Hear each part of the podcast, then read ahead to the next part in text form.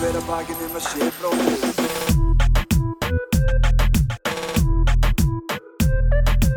Bera hver að bakinn um að sé bróðir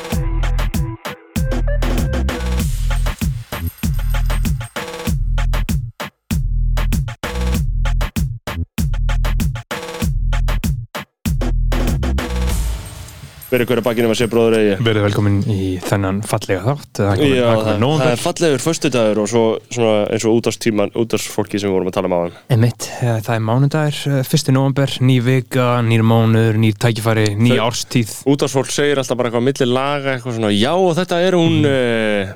uh, þú veist, Demi Lovato eða já, Já. þetta var hún uh, aðna, hva, ég er að finna nafna okkur söngkonu og svo segir, já, hún er búin að vera bara flott undanfarið, Já, hún var að gefa út alveg glæsilegan diss sem við höfum verið með hérna.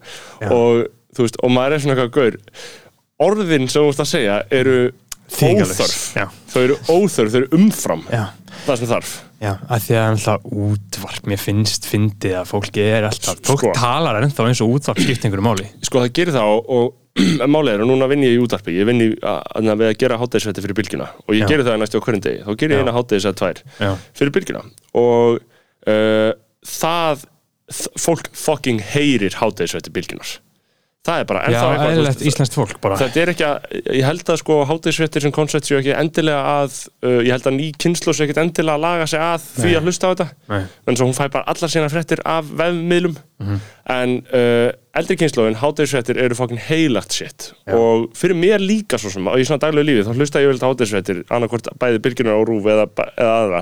Ég hlust á, uh, ég, ég er að followa podcastið uh, hátið og hátæðisfréttir eru inn í því vantilega Já, og þú veist, og ég hlusta á að maður finnst það áhugavert mál, skilur Já. en ef þetta er eitthvað um uh, sótt álfin eða verðbólguna. Já, eða eitthvað svoleiðist, þá er ekki að fara að hlusta, sko. Nei, ég- sem er náttúrulega mjög hættulegt, sko, af því að það eru allir þannig. Það fá allir sitt sitt af því að þeir vilja, sko það er ekki þvinga ón í neitt, neitt Mér finnst sko. nefnilega svo gaman að láta lesa eitthvað fyrir mig sem ég er Já. ekki sjálfur að sækja í veist, sem, sem er bara frétt um þarna loðnu veiðar einhverstaðar og þá er maður bara eitthvað ok, þetta er frekar brenglega veruleiki sem einhver lifir í þannig að Já. út frá því er það sko um, sko líðræðislega hættulegt líka, af því að þetta er líka það sem fólk hefur rætt sko, þú veist uh, uh, sem er reyndar ok, þetta er alveg smá ótengt en það var einhvern veginn að tala um það að þú veist börn núna, Noregi Þískalandi, Svíþjóð, Spáni Mm. krakkar sem eru 9-10 ára þeir eiga örgulega aðeins meira sameilegt bara sín á milli en við eigum með þeim. Já, miklu meira. Af því að þeir eru í fucking ógeðslega litla brund Fortnite að tala um eitthvað dub og tala um að- einhver sigur og sækja dub bara uss, uss, Ég, uss, horf, uss, ég, uss. ég hérna, uh, horfði á uh, Vísis frétt, stöðtöða frétt um rafíþróttir sem að Elisabeth Inga Já, gerði þetta var vöndu frétt Já, þetta var góð frétt, sko. Já. Þetta var góð frétt og ég sem skildi mig eftir svona, ég vissi ekki hvað mér finnst um þetta, Nei. skilur. og hva, hvað svona- þér? Uh, út af því að það voru einhverju svona gaurar í viðtölunum, Mhm. skilur. Að segja að þau fari með krakkan út að hlaupa og eitthvað. Já, þeir, þeir gerðu gett mikið út í því að Já. krakkarnir varu ekki að fara að vera feitir Já, basically. sem er Skilur. bara gott að það er líka alltaf verið að tala um það í töluleikjum, skilur Já, en, en mér finnst það samt svo hættulegt, sko, að, uh, að tala um að ná langt í töluleikjum. Já, Uh, að, að krakkandi geta gert þetta að atvinnu. ég er alveg samanlega mér, mér finnst það varhuga. er- þetta er flókið Af að þarftu sko. Já, en á sama tíma spyr maður sig hver er munurinn á því að fara hart inn í töluleikjum og ná langt og uh, gera það? Og bara eitthvað krakki sem vil búið til tónlist eða Eða eða þú mála einhverja myndir eða ef þú bara þetta saman við æskulístarf, þú bara þetta saman við fótbolta Mhm.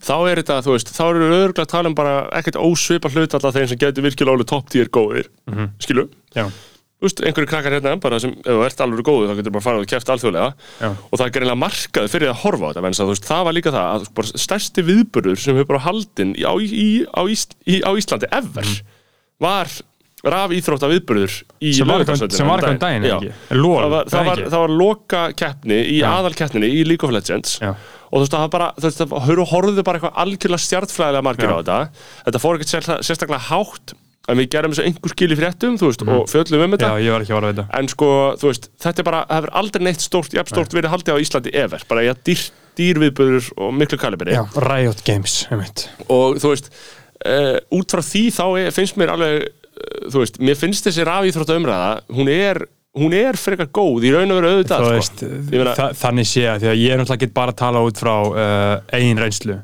uh, og þeir sem að maður þekkir sem að spila töluleiki í dag samkvæmt minni heimsmynd og mínum stefnum og markmiðum það var lúserlegt Já, já, ég skil alveg að samkvæmt ákveðum mælikórum þá endar það alltaf í því að vera lúserlegt. Og Lúserlegt. flestir sem spila þetta fallast öruglega á þá þann skilning. já. svona, þú veist, að, að vissu leiti bara, já, já, ég meina, auðvitað er þetta lúserlegt hefðin. Það er Mhm. líka lúserlegt þegar ég er blind fullin staðar, skilur, það er bara að, kvísla, eða svona ha, tala hátt í eirað á einhverjum, skilur, á djáminu það er bara, Ok. það. er er lúserlegt á uh, það er lúsalegt og auðvitað, en ég meina, en það, maður gerir það kannski ekki þrjá, fjóra klukkutum á dag, fullar Nei. sem aður og ég er alveg samlega því að fle- flestir á náni vini mínu sem gera þetta, ég lít niður á þá hefðun hjá þeim, en síðan þekki ég fullorna menn, til og með kollega mína, mm Mhm. -hmm. er spiltöluleiki og ég respekta, þú veist, að það er bara svona já, þetta þetta lífstíl, viss, að vissu leiti, sko. þú veist, það er hægt að gera margt verra En- þú getur hort á En- það er hort á NBA eða Já. NFL eða Já, NHL mér finnst það- er, verra, sko. mér finnst það Já, en þetta when it comes down to it, þú ferð alveg í kjarnan, sko Já, ég samt sko respekta svo mikið uh, og það finnst svo fallegt að heyra af einhverjum svona uh, gaurum sem eru með sína svona uh, rútínu, svona sælu rútínu Já, já. bara fá að setjast niður og hugsa Já, já. Fá bara létti. Og ég held að töluleikir uh, séu það hjá mjög mörgum. Og ég hugsa að ég væri alveg til að hafa eitthvað svoleiðis, ég hef ekkert svoleiðis í mínu lífi. Þannig að kannski uh, er ég að koma inn í þessu umræðu út frá öfund sko. mitt svoleiðis er sem ég að fara á YouTube horfa okkur svona langt að þegar bandarækjumenn eiga alls konar viðtölu á YouTube þú veist, ef þú- ef þú tekur svona einhverjar sirka media fígurur í bandarækjunum ef þú tekur þarna eins og þarna, ég fór hans að kynna mér hann gaurin sem gerir Fox að því sem það er uh, Roger Ailes Já, Roger Ailes. Þú verður að horfa á The Loudest er, ég er Voice. að byrja að horfa Loudest Voice Það er sagt, The Loudest Voice er svona uh, æfisöðu þættir uh, um hann og stopnun uh, Fox News. Og stopnanda Fox News bara sem var búið til í raun og veru 1996 þegar CNN sko algjörlega réði ríkjum í bandaríkinum og bara á skömmum tíma og þetta var algjör, Fox News var kraftaverk í fjölmjölasögunni, bara hvernig þeir á mjög skömmum tíma urðu bara miklu, miklu, miklu stærri en CNN sko og ég heldur séu að það miklu stærri en CNN ég fór ekki að fara með það. Uh, á því að vera bara með mjög, já svona konservatívan fréttaflutning. Og Roger? Ro- Roger Ailes Já, Ailes mitt, já mitt að svona, ah, moment, er eitthvað, svona, eitthvað YouTube svona klukkutíma löng sit down leiðileg viðtöl við svona gauðra því að Já. bandarækjuminn eru svo duglir að taka viðtöl svona einhverju svona intellektual þáttur Já, sem er bara gamall. einhver lúsar Já. þáttur, bara einhver eldgamall og enginn hefur séðan Mhm. en það er bara svona, eitthvað svona þannig að við David Simon eða eitthvað svona, svona fígurur Já. það, það, það, það er eitt kall sem að tekur þetta sem er pappi uh, einhvers, þannig að pappi einhvers sem, Sölvi Tryggva elskaði já, Larry? King Nei, nei, nei, nei, það er einhver annar uh, 60 minutes gaur Já. 60 minutes gaur sem ég man ekki alveg hvað heitir Right, núna, já. hann tekur þau öll Já. veist, það, það er þessi gaur sem er svona gegn gaur sem er með pappir í fanginu með svona Já. bunga blöðum í Já. fanginu og spyr svona rosalega elaborate spurninga og það að fyrir mig það er eiginlega best að bara alveg að slaka á og horfa á leiðinlegt bandarist viðtal Já. uh, og það gefur manni það að maður svona ok, þetta er lífið kannski allt í læg Já, já. en hvað voru tónur ræðitur ég er með COVID aftur sko. Er það það hægt að fá það aftur? það í ljós? eh, ekki, ekki svona skömmu síður sko. ef svo er, ég fór reyndar í hraðbróf heyrðu, ég fór á ársatíð á lögadaginn uh, ársatíð sínar, einn stór fjölskylda veldið uh, virkilega ánægilegu fagnuður með öllu mínu besta samstarfsfólki Mhm. og við, það er, sem sagt, þetta var hraðbrófskylda þetta var mörg hundur manna viðburður í gamla bíó Mhm. og pælingi var svo að allir færi hraðbrófaðir en mættu, bara eins og uh, er gert í ymsu Já. samingi og sem er, bæði vegi held ég mjög, að gera okkur mjög gott sem þjóð að geta gert þetta svona, svona, haldið svona stóra viðbyrði og skilja það fara allir skimun þannig að ef einhverju er með COVID og greinist hann og svo framvegis. Þau bara heim. Bara heim. Og ég atna, hugsaði að ég þurfti ekki að fara í hraðbróð því ég spurði eitthvað þar ég að fara í hraðbróð ég fekk COVID fyrir tömum mánuð það er eiginlega útilokaði sér með þetta bara með öll vísindi.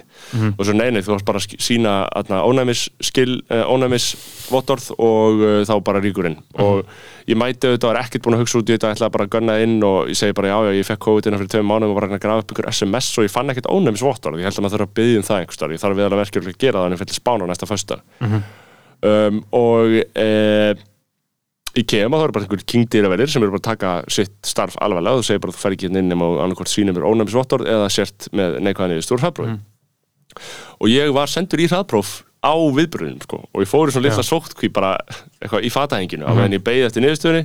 Svo kom hún og uh, ég var auðvitað ekki með það ekki. Og fór á heljarinnar djam áður en ég fór síðan að vinna kl. 9 morgunum daginn eftir. Já, uh, og Og, fyr, og fyrirtæki ásvætti, hver á að spila? MC Gauti og Dóri Júlía? Já, MC Gauti, Dóra Júlía uh, og síðan einhver bönd Ragga Gísla. Já, hvað allir það svoleiðis bönd sé að rukka fyrir svona? Og síðan eitthvað svona band sem er eitthvað svona bara stokk, stokkfótó Já, eitthvað coverlaga band Já, já Já. Þetta er náttúrulega aldraði lið sem vinnur þarna. Já, já, öllum fyrirtækjum, ég meina, sko, vissulega, sko, meðalaldurinn á fréttastofun, ég held að fólk myndi gapa þegar það sæði hvað hann væri lár, sko. Já, hvað, Eh, hvað er hann, 30 eða eitthvað? Við erum öll bara, þú veist, ég er alltaf bara vaktinni með bara fimm sem eru bara eins og ég er bara 23 fjörar, skil. Þetta er bara rosalega ungur vinnustöður, sko. Mhm. uh, þó að, þú veist, reynslu boltarnir hækkið upp. En í almennum fyrirtækjum, já, skeggaldurinn, hann svona 40, 50, corporate Ísland. Það er á þessum nótum, sko. Maður veit ekkert hvað allt þetta fólk fokkin gerir, sko. Aðeins líðið, sko Eh, það er ég- atvinnulífið. Við vorum eitthvað að tala um að sko, ég, ég og Jói að stofna, stofna nýtt félag, sko Já. FKA, Já. félag Karla í Heyrðu, það verður geggjað. Það vantar að teyrðu sem ég Já. vil er að stopna nýtt hagsmunafélag. Það heitir, atvinnufélagið með jóði. Fólk hefur svona, fólk hefur mismundu skoðanir á þessum riðtætti. Mér finnst það maður. svolítið sexy á. Simma og Simmi svona, þú veist, hann er svona, þetta er svona Simmi að setja mynd í svart hvíti á Instagram og hafa þetta nafn svona, sko. Já, já, ég Eh, fíla það maður, ég fíla og uh, punkturinn að Simma er uh, ég verðilega, þú veist, ég, ég, mér finnst þetta áhugavert ég bara hafði ekki hugsað út í þetta ég, mér finnst þetta mjög áhugavert sem Simma, hann er talaði örgulega um þetta þegar hann var í viðtaliðina hjá okkur Já, mér minni það, sko. þetta hefur verið mikið svona, þetta er mótíf í hans Þetta er uh, orðræðu, mótíf sko. og það er raun og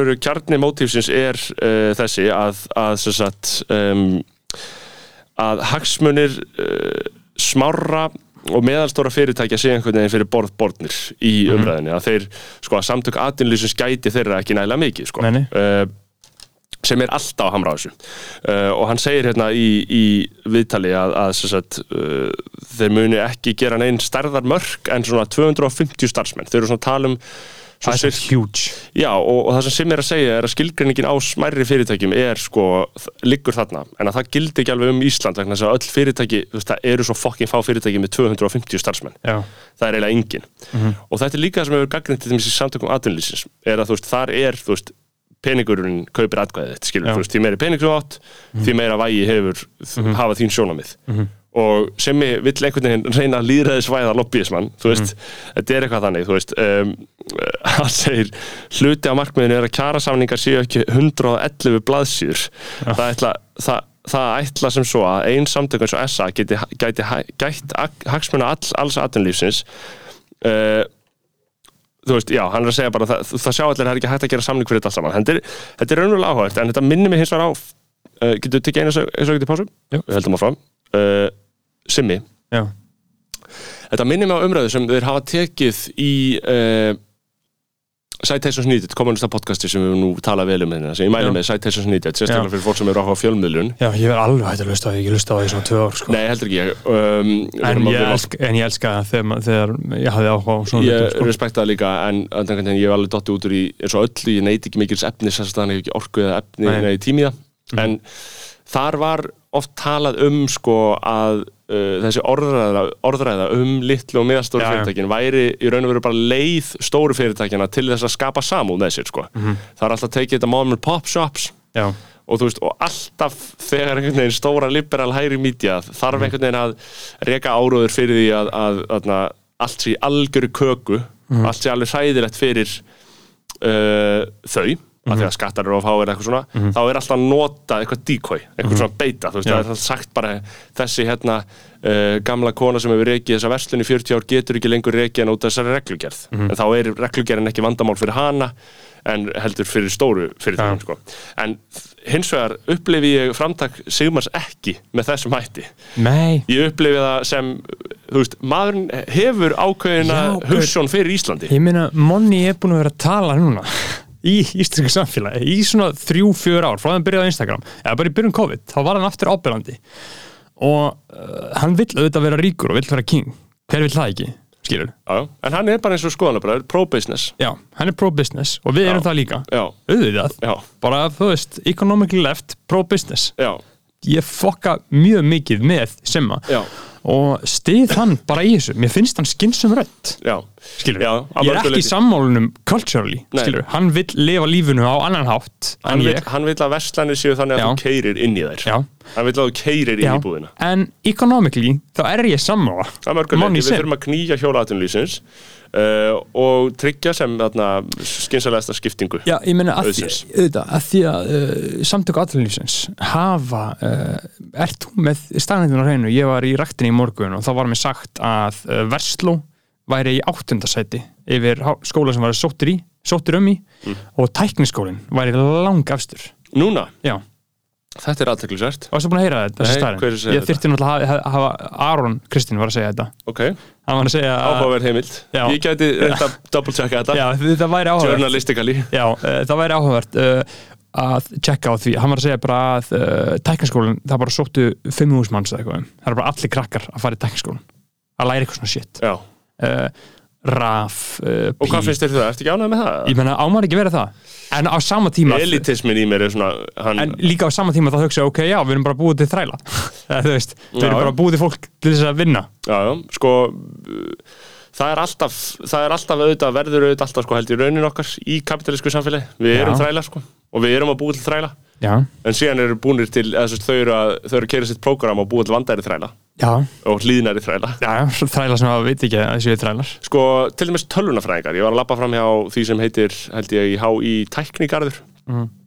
það er svona bygging bara þarna rétt hjá hagaskóla eina af þessum niður grotnu og úldnu byggingum. HÍ þarna uh, fyrir að, bakvið þú, háskóla þú fær bara svifur ekki í augun á labbaðnin sko. Já, ég bara einhvern veginn veit ekki alveg þú veist, hvernig þetta var byggt, sko, ég get ekki og skoti á það, sko, þetta er Þetta- einhverja viðbyggingar frá 1980 eða Þetta eitthvað. er eksemplar meira í áttina að skúr en húsi Þetta sko. er svona endurmentin háskóla Íslands byggingar, þetta er svona bara mest óspennandi byggingar á Íslandi, en þetta er hérna, og ég sá einhverja svona gauðra, skilur lappinn, Mhm. sem eru svona einhvern veginn tölvunafræði gauðrar, þeir eru svona einhvern veginn, uh, ah, þetta er svona uh, smart guys, Mhm. skilur hvað við, þeir eru svona, voða, uh, svona klárir, eða þú veist, augljóslega með svona heilan en einhvern veginn eru samt eru líklega, þú veist, og ég- hérna er ég að tala út frá einskærum fordum uh, eru samt eru líklega að vera með pyrrandi skoðanir eða svona pyrrandi, ég veit ekki, nálgun Já. á lífið. Uh, þarna, og, og það er svona sem ekkert einskorast ekkert tölunafræði heldur bara vísinda uh, vísinda hyggju karlmenn almennt, bara þessi þessi karlmaður sem er í vísindum og ávonaði að fá 1,3 miljónir á Já. mánuði og er einhvern veginn hann er eitthvað svo pyrrandi ég sko, ég fíla gælnur í vísindum mjög mikið sko. Já, en þú verður aðtuga það að sko á sama tíma og ég segi þetta og ég svífið þessu karla. Já, þá er þetta líka, líka te- ein af á meðal þeirra tegunda sem ég tengi hvað best við í lífinu skilja, því ég get, ég get, ég get mjög tengt vel Þessi tengt gaurar. við þessu gauðra skilja það er, það er alls konar aðra típur sem ég þóla ekki sem ég get ekki tengt neitt við, ég get tengt Já. mjög mikið á djúpu leveli við það því ég sjálfur í raun og veru tölvunörd og svona skilur já, ég á erfitt með að tengja við svona, svona vísindagaurar sko. Já, mér er það ekkert mál sko Ég get sko tengt við uh, svona viðskiptagaurar sko. Já, þú veist, tala um pening við á Já. karlmennsku, Já. ég, ég, ég get gert það sko. já, en svona pjúra vísindagaurar sem eru með svona ambisjónir í því veit þeir eru svona ekki til sko, er þeir eitthvað, Það- hitt já, svona, en, en það sem ég var að segja með sko, stel, stelpur í svona raungreinum sko, þær eru alltaf með eitthvað gott vision í gangi sko. já, þær eru svolítið merkileg fí, þær eru alltaf, fyrirbæri, sko. þú veist, vilja skrifa einhverja rítgerðir sem hafa áhrif og þú Já. veist þær eru með eitthvað svona gott game sko, mér líður þess allir strákar í svona shiti séu vilja bara vera ríkir sko. Þær eru líka í þessu svona langklaupi og svo áður maður veit af eru þær bara dósentar og síðan prófessorar eru bara mjög valda miklu, Já. áhrifamiklu vísindamenn á Íslandi og svona einhvern eitthvað nördast, bara eitthvað king shit og svona fremsta víglína vísindafólks örglega raunvísindum á Íslandi er örglega mjög vel hlaðin af konum í raun og Já. sko, veist, þetta er líka það sem fólk hefur talað um í veist, að karlar séu bara í hakkinu þarna, sko, og það má alltaf ekki segja það við meðum ekki tala um vandastráka í Nei. maður er alltaf cancelled fyrir að gera það, sko. Og, og ég vorkinni strákam ekki það mikið, sko, þeir fá svo mikið á öðrum tækifærum, sko, en þeir eru alveg í fokkjarni skólakerfinu og ég, held- að við veit ekki neitt, sko. Ég held að þetta fólk, ég held að krakkar veit ekki neitt, sko veist, eh, það er náttúrulega önnur uh, umræða út af fyrir sig sko, en veist, eh, en mér fannst þetta mjög áhugavert með uh, þessa uh, sem að heimildamæður saði mér í morgun uh, að, Já. að þarna voru allir að fara í tækniskólan Já, og sko ég náttúrulega sagði ég var ekkert mann alltaf að segja frá því á sín tíma að aðsóknin væri meiri í MS en MR já, já, cool, Dótið er alveg búin að skiptast yfir sko. Já, og við erum alltaf fórum yfir en það þetta er að segja sko að það væri fólk sem sótti um í MS Mhm. og þurfti síðan að sætta sig við annars val, annar val sem var MR sko. sem er alltaf bara alveg gali með Mhm. Hvað það var þegar ég var sko. En náttúrulega uh, samtök atvinnulísins uh, eru búin að gera þetta Já, já. Uh, þau eru búin að framlega eina gott þrælasamfélag uh, þar sem að og kúltúrun hefur breyst mjög mikið ég fór um daginn á ársáttíð Pragma Klöptöp og Byrnir voru að spila Er það ekki nefndafélag eitthvað? og ég hitti King Tandars Næ þar Já, hvað er Pragma? Er það ekki nefndafélag? hvað nefndafélag í Hagfræði nema? Nei, tækni nema held ég HR Já. Ætli sé ekki bara all, allar vísindildri í HR Já. ég, það ekki alveg HR, við höfum alltaf talað fyrir sammenningu HI og HR Já. er Já, það er mjög mikilvægt að það gerist sko. uh, en uh, pointið með því að ég var þarna á þessari ásáttíð eða þá að HR fá sér einhverja hugvísindadeildi eða eitthvað, eitthvað, já, þeir verða jafnit einhvern veginn út Já, en þannig að kom ekki bara klopningur Já, Af hverju er einhver að borga 600 skall ári á, HR? Ég veit það ekki. Ég, já ég það er ekki fyrir því sko, þetta er bara, ég tala um fólk þau, þetta er bara, miklu meira næs. me, þetta meika bara meiri sens í alls konar tilvíkum, Já, bara miklu. Einmitt. Og sérstaklega þarna, svona, Ég þekki hann alltaf alls ekki sko. sérstaklega úr kannski vísindalega metnaðlaus Já, þá eru kannski kröfunar ekkit endilega já einmitt, einmitt, einmitt. Ég selði ekki dýrinn í kefti það sko, þetta er mjög óábyrgt tal Já, hei, that's what we do sko. uh, En það er náttúrulega í sálfræði og Já. í, í, í HR Já. og ég hef heyrt að sálfræðin í HÍ uh, sé mjög íhaldsum og mjög leðileg bara svona ultra íhaldsum Var Siff ekki sálfræði HR eða? Siffi var í HR, jú Já. uh, Hann var samt alltaf að fokka eitthvað í einhverjum tölum sko, hann alltaf Já, ekki einhverjum tölur hann, hann er í tölum sko, Sálfræðingar eru mikið á kafi í einhverjum fokkin og, tölfræði og sko. Siffi mér þess að sendi persónulega á mig sko, og sagði mér að ekki lesa Freud. Nei, skilur að- hann sagði að þetta var alveg outdated og drasl. Já, og ég er verða að vera bara- bara... ósamála um þarna Já, sko. ég trúi því náttúrulega ekki, það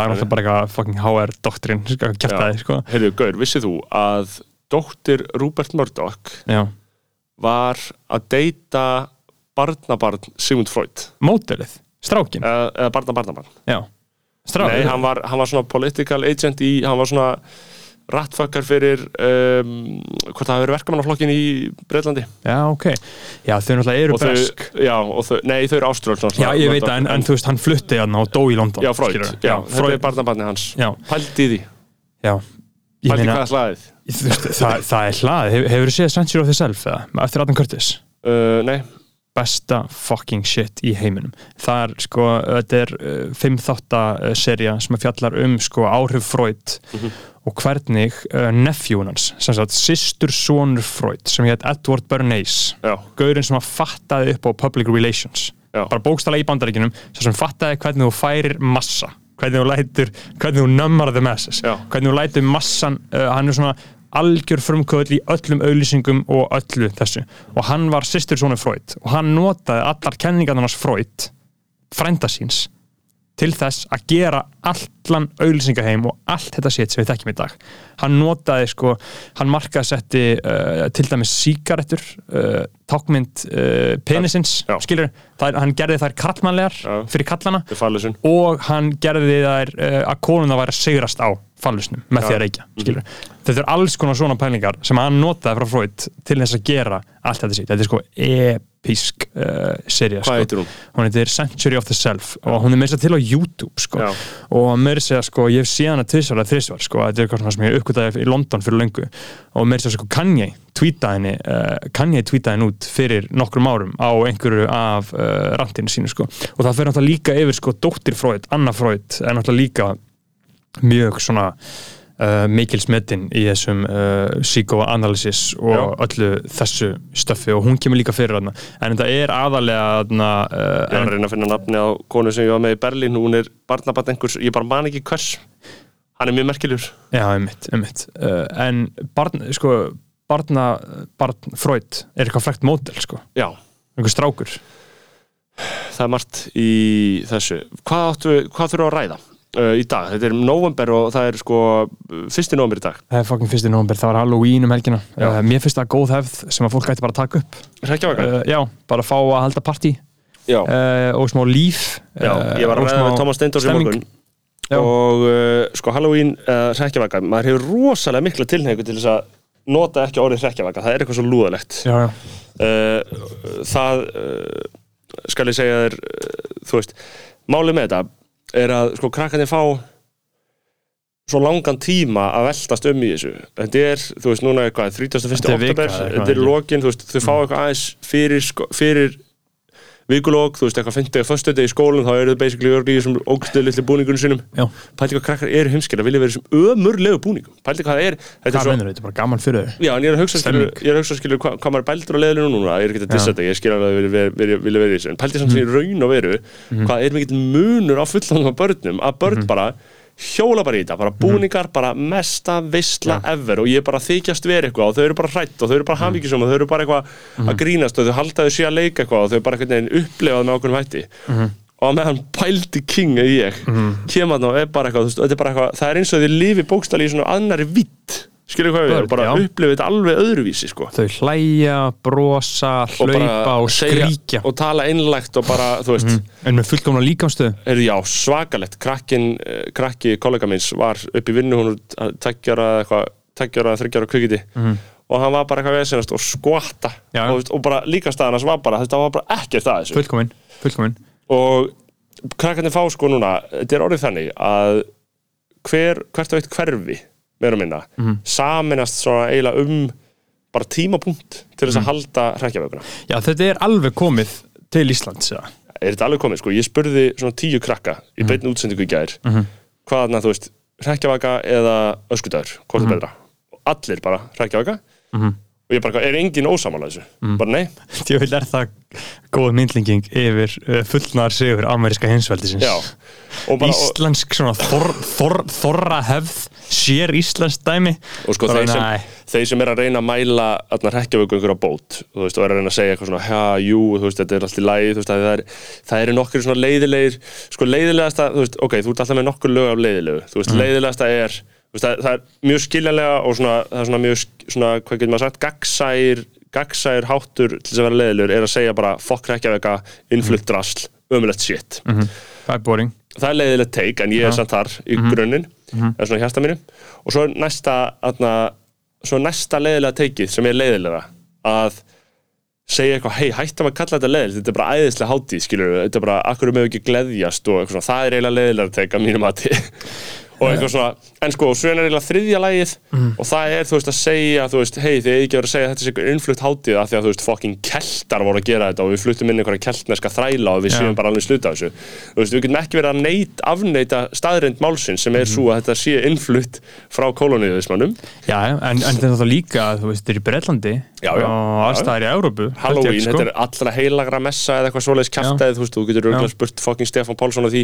En uh, þetta er, uh, er að komið að vera og sko, fóreldrar komið sér saman um eitthvað svona tímapunkt og svo, þú veist, kannski 5 til 7 á sunnudeginum, þá er bara Halloween í hlýðunum Já, ok. Þú veist, og þá fara bara allir þar á stjá fóreldrarnir svona sirka Tri- með, með treat. svona minnstu krökkunum Já. og þá átt að fara á banka og segja greikkaði gott. Nema hvað? Að, og þetta var aðvalist líka þannig í útlöndum. En þú veist, þetta er algjört þetta er nett leikrið, sko, en þetta er í raun og veru bara þú ferð bara milli og það er bara gefið nammi í þeim húsum sem eru að taka þátt í Halloween. Af því að fyrir ekki þú ferð sem sagt uh, þú veist, ef þú ætlar að taka þátt í Halloween og þú ætlar að bjóða upp á hjá með þér og ert búin að kaupa fokkin nammi og eitthvað sétt þá setur þú grasker út eða setur eitthvað svona skraut skilu, það er alveg, það er alveg ljóst hvaða hús er að taka þátt í þessu. Það fer ekki fram hjá þér en ef þú ert ekki að taka þátt í þú veist, þá bankar enginn þú veist, þá bankar enginn. En það er nefnilega, þú veist, það er eftir alveg búin að gengisfella að rekja vöguna sem er svo að þú, ef þú vilt ekki gefa þá svífir það. gott og þá svífir þér ef þú gefur ekki. Það en er auðvitað er búið að taka það úr sambandi hérna eins og allt áhugavert. Já, það er náttúrulega líka að því í bandaríkjunum er þetta svo mikið uh, einbyrðishús já, í bandarækjum er líka, þú veist, það er svona klassiska ímyndin að því að, þú veist, Mhm. trick or treat og ef þú ætlar að ákveða að gefa ekki nammi þá ertu svona kallinn með haglabissun á lóðinni, Já, skilur, og það er eitthvað svona svolítið spenna, skilur Mhm. nei, nei, hérna er þetta bara eitthvað svona systematíst systematísk nammisöfnun. Mhm. mert inn á einhver kort. Þau eru með eitthvað svona kort upp Mhm. með húsum. Já, ok, Skilur. bara hver, hver er að taka þátt. Þú bara lappaði bara Google Maps er þetta. Já, þú veist, þannig að það er einhvern veginn allt, það, það, það, öllu ævindir í kift úr sambandi, skilur uh, þannig að það er ámælisvert en búningar, ég man eftir ég var lítill, þetta var alltaf eitthvað svona maður fór eitthvað að væli með mig bara eitthvað kvöldi Já. fyrir eitthvað, ég með langar í eitthvað þau eru bara eitthvað, það var alltaf bara Þetta var alltaf "Åh", þau eru bara að Já. köpa búning. Já, þau var að þessu og maður var aldrei, og maður var aldrei nægilega sáttur Nei, aldrei ánæður, Já. var alltaf einhvern veginn í ömulum búningi og það er alltaf eitthvað svona uh, skiljanlegt, skilur, að Já. akkur eftir fóreldrar að taka þátt í svona hégóma, þú þarf nátt að vera lúsir að fóreldri og ætlar að taka in í einhverju svona, sko. Það veist, það er spurning, ég held að líka bara góði fóreldrar geta alveg sko svona uh, kom, komið barninu sín í góð í, í gott game sko. Nei, það er, þú veist, eh, það er ekkert að netti og veist fóreldri og þú hjálpa barninu alveg alla leið, þú átt þetta á að vera soldi finnst mér, veist, mér það á að vera svona Eitthvað, eitthvað að vera eitthvað svona við, þetta er ekki alveg málið. Þú veist, þetta er svona, þú veist, jú, jú barni, er svona, mátt alveg taka á þetta en þetta er ekki, við respektum þetta ekki eitthvað harkalega þú setja eitthvað flott, flottum búning. Þú veist, uh, það fer eftir því sko hvort að y, y, hvernig stjórn fóreldran hefur yfir því sem að barnið er að gera sko. Þú veist, ef þetta er eitthvað eins og fótboltæfing eða sundtímar eða eitthvað sem að þau bara hafa enga stjórn á, Já. þá á barnið bara að pluma sig Já. og traumatiserast Já. skilur, fyrir vikið uh, eins og gerist, örgulega hjá mjög mörgum sko. Ertu að tala um það að fóreldri er ekki að grípa inn í ef Já. barninu gengur íta félagslega í fótballta já, já, já, alveg sammála því þau, þau, þau hafa ekkert Alveg sammála því. er, erindi þangað sko. þau hafa bara ekki valdið, ég get ekki svo nei, nei, nei, en, en svona í einhverju svona litlu shiti til að láta barni vera bara eitthvað sátt, þú veist, gefi einhverja góða grímu, skilur lefi ég, að vera eins og hinnir sko. spurningin er bara ekki alltaf um góða grímu heldur um, þú veist, að þau vilji láta sauma utan um sig uh, Það- einhver strætó Já, já, ég að það, það, skilur það er náttúrulega bara einhverjir sko, brósfóreldrar sem Já, að gera það ég er bara, ég er bara að reyna að víkja að þessum já, sem eru bara brósandi allan dag gera þetta að- með bara brós á vör og síðan fyrir kallinn á kaffibarinn um helgina og Já. framhjá og eða hjónum hann sitt, sko. káar allan, hann er svolítið kassa sko. hann er svolítið kassa og hann heldur framhjá allan með augnaræðinu Já, sko. og stundum lætur hann að gera það gerðist fyrir nokkrum árum og þau eru svona að í vinna í því gerist í. Danmörku fyrir fimm árum og, og, hún veit það. Já, hún, hún veit það. og það veit allir að hún veit það. Já, og, og þar liggur skömmin sko. og hann er, hann er svona veginn svona kall, þetta er svona framhjaldari sem er alltaf með skömm. Já, alltaf veist, lifir alltaf í skömm og það, alltaf þegar hann hittir alla þá er hann svona lægri af því hann er skammar sér svo mikið sko. og hann er ekki sigurveri sko. Nei, nei, nei, djúið held ég að sé erfitt að vera fucking, sko, HF-ari, sko. Ég, að, ég held að það séu menninni sem að ganga um með hvað mestu skömmina, sko. Framhjaldarnir Já, já. já, já, já, já, já, Þetta er svo myndið, þetta er svo miklu algengar maður heldur, skilur Nei, þú veist, hefur þú ekki orðið varðið á síðari árum að þetta verði svona einhvern veginn, maður heyrir meira Já. af sko, ég var að heyra af klikkuðu máli bara í gær, skilur, ég Já, get ekki sagt það hér, skilur Nei, nei, maður er alltaf að heyra á einhverju. En þú veist, og ég var bara, wow, hvað þetta er klikkað mál. Já. Og þetta var bara venjulegt fólk. Mér finnst það líka svo fallegt, að þetta eru svona, eru svona atrocities, þetta eru stríðsklæpir framtir af venjulegu fólki. Og það er uh, það fallega við lífið sko, að, sko eitt sko augnaráð og einn snerting getur Já. haft jafn mikil áhrif og bara Joe Biden drónstræk. Og meiri, persónulegu leveli þá er Já. þetta fólk bara í katastrófum það eru náttúruhamfarir í lífið þeirra þau, og þau þurfa að samt að mæta í vinnuna þykjast, en sko það sem er líka, þú veist, já, ég, ég, ég held að þetta sé þetta þetta er svolítið eins og senan í undir trénu þar sem að hann steindi búin að halda framjá uh, og hún dömpar honum og breytir liklana og hann kemur í vinnuna brjálæður já, skilur, að reyna að fá líkilin á úsinu sínu og endur á því að vera eskortaður út. Og það er svo ógislegt þegar karlar eru reyður út í konur. Já. það er svo ógisleg sena alltaf. já. það er alltaf sorgleg sena, sko. Uh, en uh, sko það eru mál sem við þurfum að gera einhver skil hérna. Já, það er hrekkjavakan, við erum búin að taka utan um það og, og uh, mér líður eins og umræðan sé orðin meiri um það. Ég var ekki að tala um þetta svona mikið í fyrra Nei, þetta fer uh, vaksandi uh, eftir því sem við sko færum okkur nær uh, bandaríska heimsvöldinu sem að mér finnst bara fínt maður, þú veist, við erum uh, bandarísk í grunninn Já, ég vera meina- pro-NATO aftur það? uh, þú veist, ég held að við höfum bara ekkert um það að segja sko. Nei, nei, það er fallega uppgjöf, ég er alveg já, samanlegaðir já, ég held að við höfum ekkert um það að segja sko. Veist, á Íslandi að taka Þetta er allan ekki málstæður sem að verða vinsætt fyrir sko en anti-NATO, það er ekki mikið stefning ja, skilur, fólk, fólk sko, almennu borgara viti ekki hvað NATO er sko. Hefur þú séð, sástu kveiksþáttun um daginn um uppbygging á keflæguflugulli? Nei, Bara það er bara massíf herstöð á keflæguflugulli já, er, er herin minna bara Er herinn eða? Já. Massíf herstöð á keflæguflugulli Hvað er margir hermenn? Bara fleiri, fleiri hundruð og Í bara alvöru? fullt akkur um, þetta er bara búið að dæla miljörðum í þetta, í herstöðina þetta Joe, er Bi- kallað, Joe Biden peningur. Þetta er kallað varnarsvæði. Já, Já, já það, það er herstuð í kemla Já, já, ég, ég myndi, Já. myndi skilgreina þetta persónulega eins og ég líti á þetta sem Já. herstöð. Ég hugsa að þú getur örgulega teikt þig uh, ég hugsa utanrækisræðinu þetta sé örgulega með einhverja hendu og skilgreiningu sem kemur Já, vekk fyrir að sé hægt að kalla þetta herstöð. Þú veist að það vanti rifflaðan Já. vörð eða eitthvað skilur en þú veist það er bara fullt af orustufu flugvilvatna Mhm. og, og endalist af æfingum og bara fullt af hermunum skilur, bara eiginlega með vetrasetu alltaf. Já, og það er mjög aðtilsverðið þáttur og kveiki áttur að klára uh, sem Ingólu Bjarni gerir, King uh, og bara fer svolítið ofan í þetta sko. Og þú veist, já, ef maður ætlar að fallast á þetta þá mun maður lifa góðu lífi, ef þú ætlar að vera bara NATO sinni og Já, meina, en þá skrifar undir, þá skrifar undir rosalega styrklepi líka já, það- auðvitað, auðvitað fokkar maður ekki með NATO Nei, nei, en- Auðvitað er maður ekki að fara að tala Nei, með en ég er bara að reyna að vera smá móralistu með því að segja, ef þú fokkar með bandaríkinum og ef þú fokkar með óbreytti ástandi í uh, utanengismálum á Íslandi, þá fokkar með NATO og NATO er stríðsklapa entitet og ég geri það, ég fokka með. Ja, þú veist- en ég bara segja þér já. stríðsklapa entitet í stæðan fyrir að segja það ekki og láta þú já, skilur þetta er bara móralismi og mér finnst bara Það er bara erfitt, uh, erfitt að vera fullkominn uh, í þessum heimi. Ég ger ekki kröfullin eins og það, ég Nei. held að það sé mjög óraunhæft og Já, að því að geri- lífið er sko, þú veist, við erum dýr og þetta snýst um rosalegt ofbeldi gangvart öðrum og Já. í sama hvaða mynd það er sko, og sama hvaða, þú veist, einhvern veginn, skilur Það er svo gott nazi take sko að segja að rugglunin er maðurinn bara mjög grimmur og gráður Já, en sko, málið er að hitt eru ósannindi, skilur þú veist, ég er alveg sammála nazi, að sé nazi take en hitt Mm. En, eru auðvitað ósannindi en málið það er svolítið ekki á hænan sko. það eru kapitalískar aðstæður sem að ala þetta upp í fólki uh, og sitja inn í eins og ég var að tala með Edward Bernays á hann sko.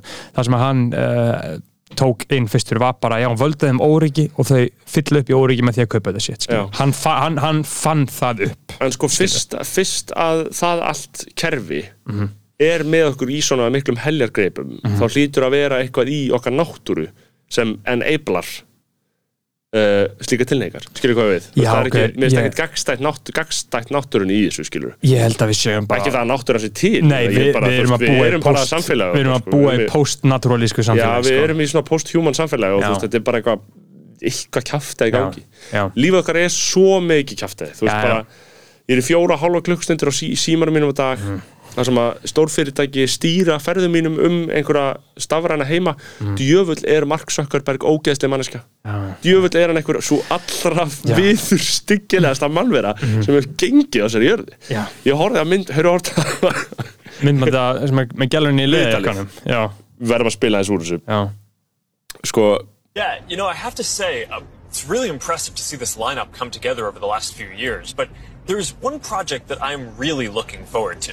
Yeah, this is one of the all time greats. And we've been working for years to bring it to Quest. I'm excited to announce that the Rockstar Games classic Grand Theft Auto San Andreas is in development for Quest 2.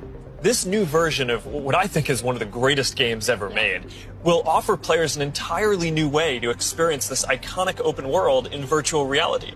That's it, oi, Mark. hann er svo ógslur það skrifar einn inn að sko hologram Tupac looked more human já Hann Málið er að hann í alvörinni já. bara, þú veist, þetta er bara Hann er orðið- froskur. Þetta er svakalegt, sko og, ég, eh, hann, og, og eins og fólk hefur verið að segja Jack Dorsey, Kongurinn, kongurinn kongurinn uh, Donald Trump, kongurinn mm. uh, Hverjir aðrir eru í þessu? Jeff Bezos Mös, nei, nei, Möskarinn Möskarinn er kongurinn Möskarinn kongur. Jeff Bezos, fuck Ja. ekki með honum. Nei, Jeff Bezos er fucking ókýslu Bill Gates, oi nei ah, Bill Gates, hann er samt svona Nei, veist, ki, nei kill, mér- kill Gates Bill sko. Gates, en Kill hann, Gates. það, mér finnst það er inntak í honum þú veist, það, það er einhver saga þetta er eitthvað Já, en hann er samt og gaur. hann er, hann er ég Epstein, veit alveg hann er Epstein, gemvera og Epstein vill- Island það, já, nýðingur sko. en sko það er, mér er alveg saman það þetta er bara svona áhugaður saga en Zuckerberg, hann er snauður af merkingu. Hann er, hann er bara ógið mm. það er enginn sem ég hata já mikið sko. hann er pjúra ógeð sko. uh, um, sko, það sem við ætlum líka að ræða. Hvað voru að ræða, Hver, glemdum okkur aðeins. Uh, já, sko, það sem við þurfum að ræða sko, uh, ég atna, uh, er búin að vera að fylgjast uh, við þurfum að tala um, og við tala um bandaríkina við erum eftir að tala um sko, uh, tvö pör sko, uh, byrjum í uh, Söður Ameríku það eru Raúf Alejandro og atna, Rosalía, mjög skrítið Rosalía sé með honum af því hann er sem í þrauli, uh, hann er mjög svona hann er ekki smekkljur hann getur við sagt, hann er mjög svona uh, svona einfaldur í snið. normie, sko, Já. hann er algjör normie hann er svona Og- ekki svona mjög listarætt Rá Alejandro bara fyrir þá sem er að hlusta hann er uh, bara einn allra vinsalasti reggaeton eða þessi latínó tónlistar Svona- maður í heimi. nýjasti og heitasti. Hann svona Og- steig mikið upp í ár. Og hann er svona að blanda bara svona rap, trap, latínó þetta er Já. svona soft, uh, með langar að putta þig tónlist. Já, já, uh, og uh, en hann segir þetta á 100 mismundi vegu eins og við segjum. Já, og mjög vel. Og hann er rosalega mjúkur, hann er rosalega góður hann er með lögum sem hann tóðuði dí og hann er með svona svakalega worldwide bangera sko og Mhm. núna er hann farin að gefa út lög sem eru ekkert svona alveg fyrirsjáanlega ógeðslega vinsæli samt bara svakalega góð eins og Curado og. Já. og alls konar lög, hann hefur líka verið með fleiri kings á alls konar lögum Mhm. og hann sem sagt er bara búin að rísa mjög hratt á stjórnum heiminum gerðs bara í ár og það er svona einhver opportunismi eða svona tækifæris mennska í þessu öllu að þau séu saman, Rosalía og Rá. Það kemur mér óvart af því að ég held, held að hún myndi bara vera með einhverjum svona high art uh, sko, einhverjum, en einhverjum skúltúrlistamanni sko. en þar komum við samt líka að sko, þú veist, með fyrirvarum að sambandið er að segja industry plant, sko þú veist, já, ég held ekki ég, Ég held held að hún, ég held að hún myndi ekki gera það sko. en, hún er þarna- en sko þau eru þau eru ekki Karol G og Anuel sko. Já, en það, það var industry var plant. sko. en þau eru samt einhvern allra heitasta par í heiminum núna í raun og veru, Rosalía og Rá og Alejandro og þú hugsaður um sko tölurnar sem þessi latínótónlistir generera, Já. hún, við erum ekkert kannski þetta er ekkert endilega mjög mikið að reyka svona Íslandsstrendur þessi vinsældir en, en hjá okkur, hjá og uh, Rosalía er náttúrulega vel heitt Mhm. uh, en og ég meina, það er það sem gleymið stundum í henni er að sko við Vesturlanda búar og við svona Íslendingar miskilum hana á held ég, held ég ég er svona kenning hjá mér uh, miskilum hana á örgulega svipan veg og til dæmis alls konar listamenn okkar eru örgulega miskildir af spánverum til dæmis mm. okkur vantar ákveðna ákveðin skilning á blæbreyðum skilur þetta bara eins og einhver meinir þá að skilja munin á Spáni og Suður Ameríku eða? Nei, ekki það heldur bara þú veist, eins og einhverjum gæti fundist skilur frá Spáni bara sama hátt og einhverjum gæti fundist skilur of Monsen Menn eða Kali og svona alvöru gott stöff skilur Já, já. Þú veist, það er bara eitthvað, það vantar bara eitthvað í þig ef þú heldur það. Og þú þarft að vera frá útlöndum skilur, Já, já. bara eins og við öll við svífur um þetta fólk bara skilur Já, og bara, eða svona, ekki tannig auðvitað er respekta maður Já, já. þessi svakalega árangur og svona en ég hef enga, ekkert álit á listinni Nei, nei, per se, hún gerir ekki eða svona áskist sko. trösta eða eitthvað svona skilur Hann er, ég er undar fyrsta platan ég fokkaði með henni ég sko. líka og ég elska hann skilur en, en svona þú veist. Og Rosalía er af sömum eins og við höfum talað áður, af menningarildu þar. Já, þau segja að hún megi ekki vera að taka þessa flamenco vibes sem hún gerði náttúrulega bara fyrst og fremst í byrjun já, og nýta sér það og Mm. það var svona, þú veist, að því leiti þá er hún talin smá svona smá pleppi að leika menningarfíguru já, já, og líka því að hún fór uh, hún tók ákverðun þarna 2018-19 uh, þegar hún gerði Jóbor 10 Túbor Mí með Ósuna hún hafði ekkert farið inn í reggaetónið áður sko. Nei. Hún hafði bara verið í, þú veist, fyrsta platannar þarna, Nei, og svo gerði hún þarna hræðilega lagið þarna sem ég hata ógeðslega mikið sem er eitt vinstasta lagið hennar uh, Bolado eða eitthvað svona eða, eða Altura Altúra, já, Altúra, með- J já. Balvin Já, ég hata það lag. hún, hún í rauninni gerir þetta tvent og það var svolítið uh, breykþróðinar á þessum já, vettvangi það gerði hana að bara fræga og stóra Já, skilurðu. sko, að því að þú veist, það, það er alveg tölvöru greinamunur að því að vera vinsæll með einhverju pakki hérna á Íslandi sem elskar Já. James Blake og Rosalíu og Einmitt. fer að horfa á James Blake þegar hann kemur til landsins Já, og ég get ekki hlusta á James Blake lengur maður, hann er svo mikið lippi og leiðin kissi maður Ertu ert að tala um það utan tónlistarinnar eða? Já, er hann að segja já, utan Ég hef tónlistarinnar. ekki heyrt neitt af því, þannig að ekki segja mér neitt nei, af Ég vil alls ekki heyra Lippa hann, hann, sko, hann, hann, við sko kærist hann er, þau eru, þau eru lippa heilar Já. með ömuleg teik um allt eða Já. svona, þú veist. Eitthvað svona að tala móti Trump og tala fyrir bólusetningum og Já, eitthvað svona geðveitt basic bandarist manufacturing consent leiðinda stöf, Já, sko. ok, fokka Uh, alls ekki með því. Þess vegna vil ég ekki að heyra það, af því að. James Blake er mjög fær listamæður Já, ég, algjörlega, ég eftir að tjekka nýja plötuna sem það var út af þessu. Hún er mjög Það- góð. Það hefur verið eitthvað svona. En, En- en Rosalía er fokkin kongurinn eini sannig, hún er uh, hún er gaf út þannig 2018 þessa plötu El Mal Querer sem Já. er bara svona algjört svona high art uh, listaverk Það er svona illar ástir og þetta Já. eru svakalegar svakalega löðna og Rosalía er náttúrulega svakaleg sko. uh, og síðan verður hún að alvöru pop stórstjörnu Já, ég meina að því að að og maður þarf að gera greina og, mun og því gera að- lag með Travis Scott maður, þarf að gera greina mun á því að sko þú sett ykkur líklegur Airwaves aðna contender Já, og þegar þú ferði í latínotölunar og því þar ertu komin bara í Já, já. þú veist bara eitthvað sem við skiljum ekki sem Nei. bara tölur sem eru bara veist, og, og þar ertu með þarna, þar ertu komin, þú veist, hún er ekkit sko managerinn hennar og labelin hennar eru örugglega ekki neitt að grínast Nei, hún er með sama manager og J Balvin sko. Já. og J Balvin er bara, ég veit ekki hvort ég hafi talað mikið um nýjustu plötna sinna en hún er geggjuð sko Já, ég hef ekki hlust á hana uh, Una Nota er til dæmis lag sem allir ætti að hlusta á Já. áður að deyja uh, og þarna alls konar svoleiðis. Uh, En sko, en sko sem par, ég meina þú veist, þau eru krútleg já, já Já, já, ég en Rá er alveg sérstaklega mikil sko. títa sko. Já, já, hann er ekki, þú veist hann er ekki Þú veist, hún ætti að vera með Travis Scott, skilur já, hún ætti að vera væri- með já, eða bara dreika eitthvað hann, skilur þú veist. Í, na, Drake er of Er smá ráf Já, já, algjörlega, hún, þú vilt að hún sé með einhverjum svona grófum, hún vilt að hún sé meira í átt að kanni, bara í átt að svona Hún, hún að myrkri, þú vilt myrkur í Rosalíu, þú vilt Já. ekki þess, þetta bros. Já, ég, ég held að það sé það sem ég er að leita sko. Hún ætti að vera með einhverju þannig sko. Eitthvað svona geðveitt sem kemur gett mikið á óvart sko. uh, Síðan er náttúrulega uh, skemmtilegt uh, annað par sem kom á óvart sem er uh, Pete Davidson og Kim Kardashian Ok, og hvað er fokkanum er í gangi uh, hérna? Ég sá það bara DFF Ég fer alltaf á DFF Já. Lestu djöfa, frekar Já. mannlíf eða? Ég á mannlíf, bæði sko. Ég hún á bæði uh, Ég elska hashtag orðrúmur á mannlíf Virkilega Það gott. er bara svona alveg gott eða? Góðu dálkur Já uh, Pete Davidson er sem sagt uh, og Kim Kardashian eru allegedly saman Það er svakalett er náttúrulega rosalett Já, hann er með það eitthvað gott track record já, uh, hvert er drakkræðkvöldið? uh, hann svona, var náttúrulega frægastu fyrir það uh, og ég hef náttúrulega ekki getað fyrirgefa hann það að hann atna, uh, var með Ariana Grande og byrjaði með henni beint eftir að hún og Mac Miller hættu saman. Já, og síðan svífurt hann Mac Miller og síðan er ég var að sjá með Mark Miller það var einhver kærður fyrir að gefa honum, já. fyrir að gefa honum þetta bara massíf Fen- hann var hann dæmdur í 17 ár fyrir að Já. gefa honum fentanil leist Já. dóp það var bara dópsali sem var bara að spara sér pening Já, og drapa hann já. með því að gefa hann þetta shit. Og þetta var bara 100% ekki að hann ætlaði að eða að nei, vera í einhverju nei, nei, hann var bara að taka einhverja pillur eins og bara, eins og bara ógeðslega margir Já, gera. já. bara að fá sér pillur til þess að aðeins slökka bara bara lifa, er, lifa erfið lífi. hann var nýbúin að gefa út episka plötu var á hátindi fyrirlsins bara loksins, svona að verða edru Já, Skilur.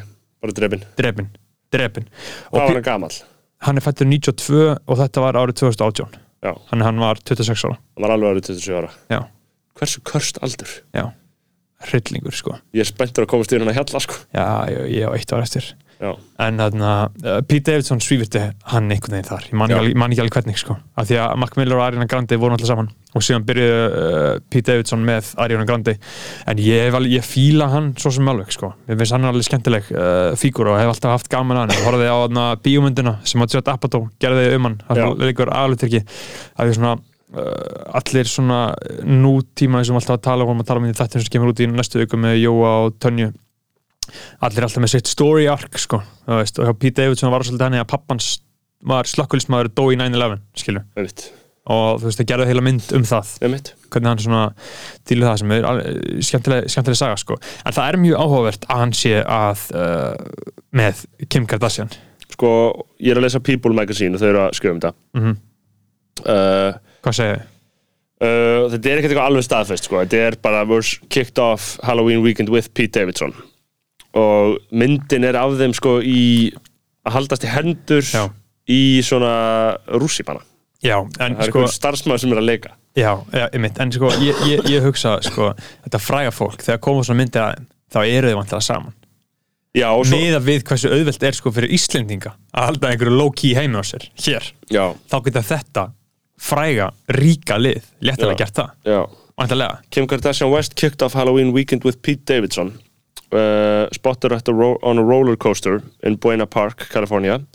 Uh, they were joined for the outing by Kim's sisters uh, og la la la og svo kemur quote from an insider sem er að tala við people They hang in the same circles so they will be together from time to time. It's just friends hanging out.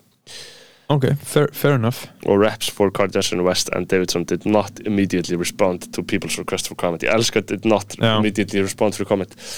Að þú veist, þá getur bara sett út fréttina eina Já. og bara ringt eitt sínt já, já, bara búið. Uh, En uh, slúðrið Já, uh, ég meina, það verður náttúrulega Íslendingar lifa á slúðri, það er mikið Já. verið að slúðra þess að dana Það er mikið verið að slúra maður. Það er allir að tala um eitthvað fokkin slúra Já, maður. og miðlarnir okkar eru fullir að því. Já, Dagblöðin. Það er bara gott Já ég meina, það, það er náttúrulega mjög fyndið sko, manns eftir, fyrir kannski bara svona ári uh, þá var Instagram vikunar á stjórnulífið og það sé, svona tiltölulega nýtt. Já. að það hefur fest sig í sessi þjóðarinnar mjög hratt. Það er alltaf moment hjá okkur á frettstofunni þá erum við að setja saman Instagram vikunar, skilur það er svona, Já, þú veist, þetta er, veist, það er bara er, er, þetta samvinnuverkefni? Er ekki bara einhver einn að gera þetta? Jú, þú veist, ég er náttúrulega uppljóstur ekki um rittstjórnarlega leyndamál en jú, þetta er bara eitt, skilur en Já. maður getur alveg gauka einhver að viðkomandi, skilur um mitt uh, og Og ætli það uh, hafa einhver áhrif? Skiptir þetta máli fyrir fólki sem verða það?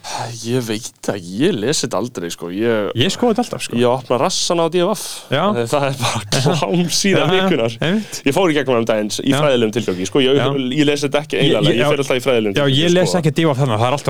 Já. Sko, Já. já. Já, það. Það tekur þig sko hálftíma Já, að og fara í ég hugsaði að það er einhver svo Stjörnul- vel horni að setja þetta saman Stjörnulífið er aðeins meiri klassi yfir stjörnulífið Stjörnulífið er góðu dálkur, sko, Já, já. þetta er bara ég, ég raunverulega skoða til þess Já. að vita hvað er fyrir þetta Já, skilur, já bara hjá þessu úrkynja Instagram-leið Enda er vísir eitt fremsti lífsmiðill landsins Já, ég meina, ég hef alltaf mjög gaman af uh, lífsfréttinum Já sem eru þar uh, og, og þú veist þannig að það er bara mjög gott að það sé í góðu.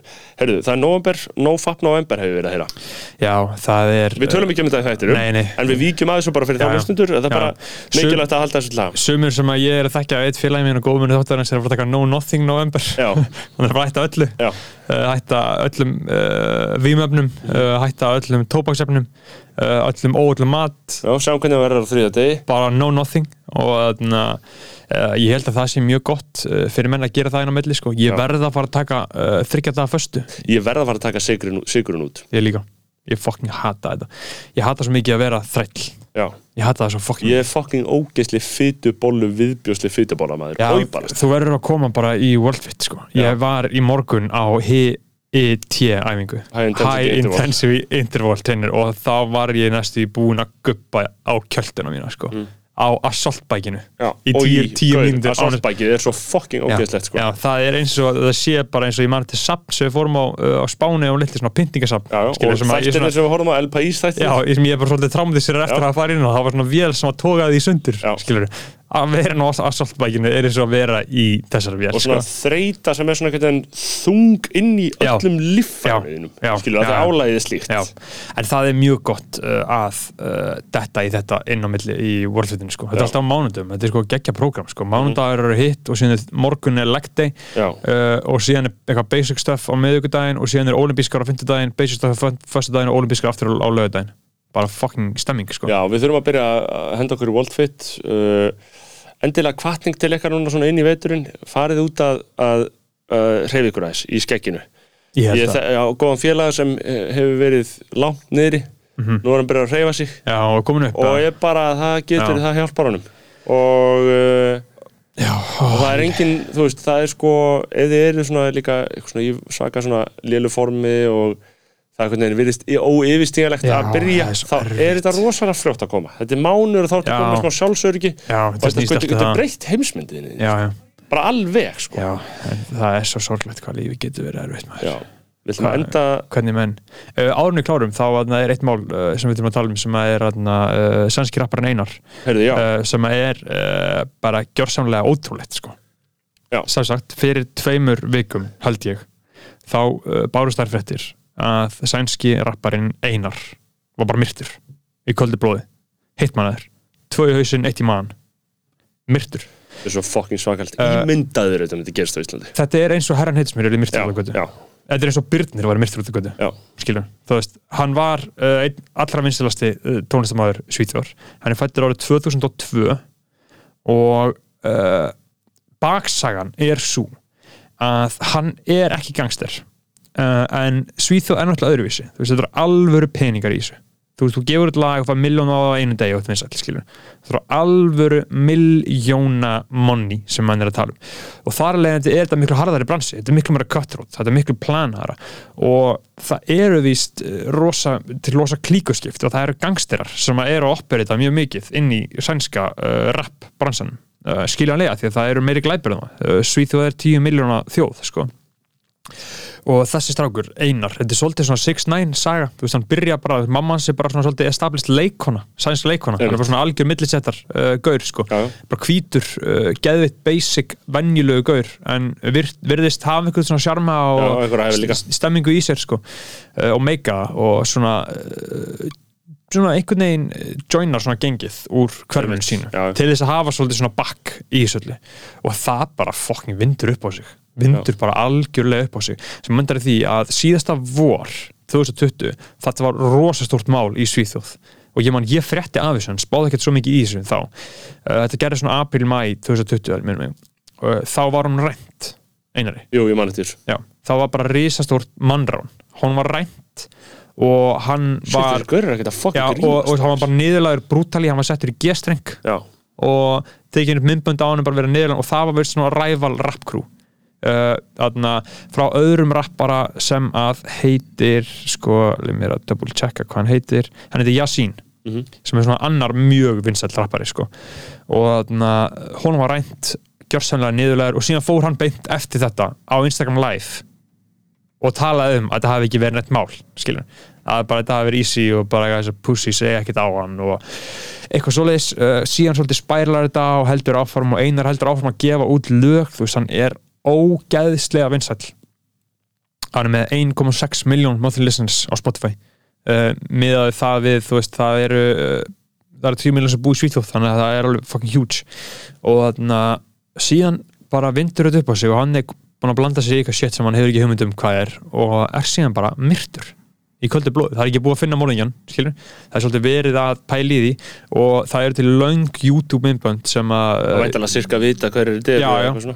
til löng YouTube myndbönd að bara texta analýseringu á öllum þessum bífum og bara hver er að segja þetta um þetta. Þetta er á sænsku, en maður getur svona semi-skil þetta með texta.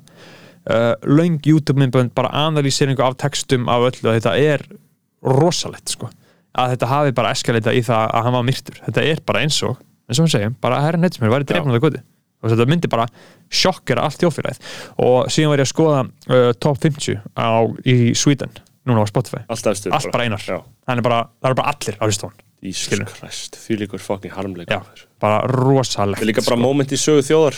Já, þetta, þetta skeikur allir, ég meina fórsetistáðan er búin að segja eitthvað og dómsmálaráður að segja, er búin að segja eitthvað og þú veist, uh, þetta er bara uh, rosalegt. Það, hann var svo fucking ungur. Hann var fættur árið 2002 hann var 19 ára Mm. hann hefði bara gefið út fyrsta læsitt fyrir tveimur eða þreimur árum þannig að uh, Þetta er það- þetta er uh, svolítið svakalegt. Um, erum við þá ekki bara konir uh, með flottir, í dag? Uh, kæra bræðalag, takk fyrir að lusta uh, segja vinum ykkar að koma inn á Patreon, stóru lutir í vændum uh, ekki nema stemming. Við höldum áfram að keira þetta áfram. Guð bless ykkur. Og núna fyrir við vesluna hérna. Já, hvað ætlar að spila? Já, maður 107, þú veist hvað ég meina tík Við getum spilað íslensk lög, við erum öðrum já, já, já, Dabbi T myndi ekki okkur leiði fyrir þessu sko. Það er hlusta á blár með Dabatíða, það er epislag það er fínt lag, gott myndband sko. Epislag Já, já, blár. Herru, takk fyrir þetta